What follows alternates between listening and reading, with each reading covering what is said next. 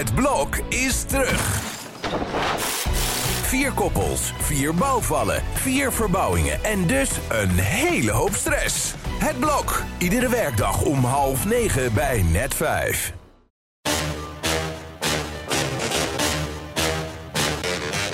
Dit is Strik Privé. De dagelijkse showbiz-update met Evert Zandgoeds en Jordi Versteegde.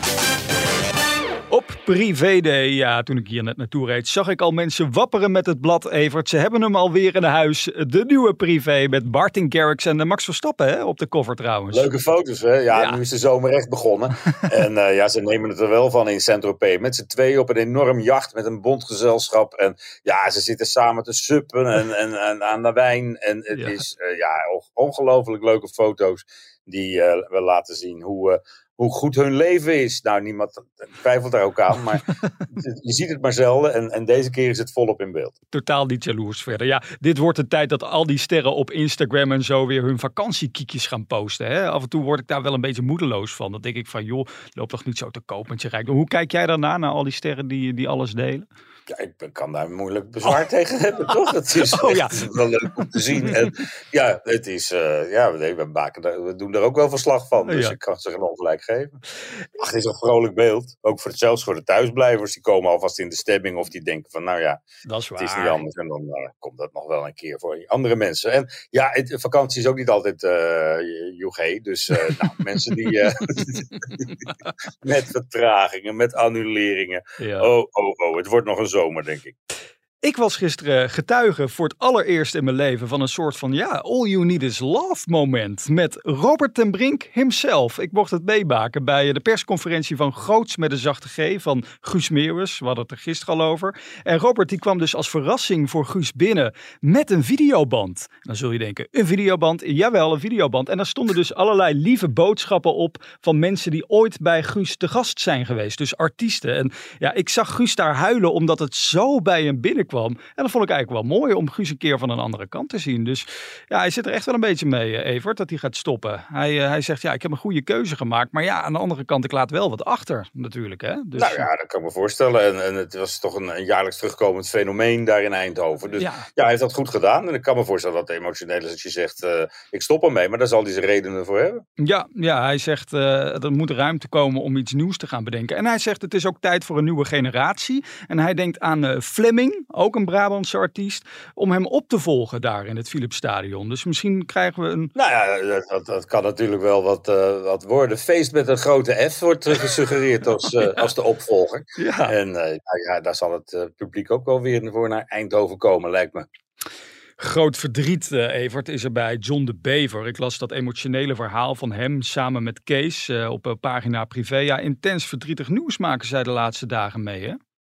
Ja, en het blijft niet bij het overlijden van, van uh, Johns vader alleen. Uh, er is ook uh, veel ellende in de familie van, van Kees. En die familie is niet heel groot, want behalve een tante en zijn oma heeft hij eigenlijk met niemand contact. Hmm. En die oma die is gediagnosticeerd met longkanker. En dat is al een vrij ernstig stadium hmm. voordat het ontdekt is. Dus dit is nog niet onduidelijk of daar iets aan te doen valt. En anders uh, kondigt het uh, volgende drama zich alweer aan. En dat vertellen ze vandaag op pagina privé inderdaad. Ja. En uh, ja, morgen is de uitvaart van, van, van Johns vader. En vanavond heeft hij gewoon een optreden ergens. Dus dat is toch ook wel weer...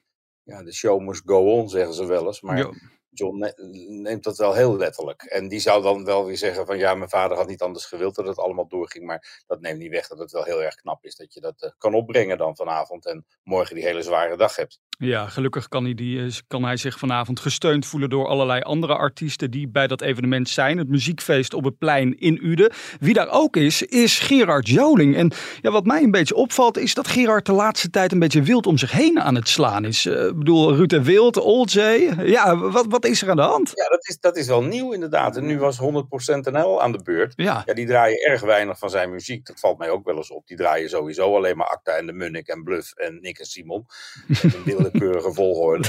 ja, het zit Gerard heel hoog. Die heeft het er heel vaak over. Dat een, hij maakt nog muziek, nog singles met clips erbij en zo.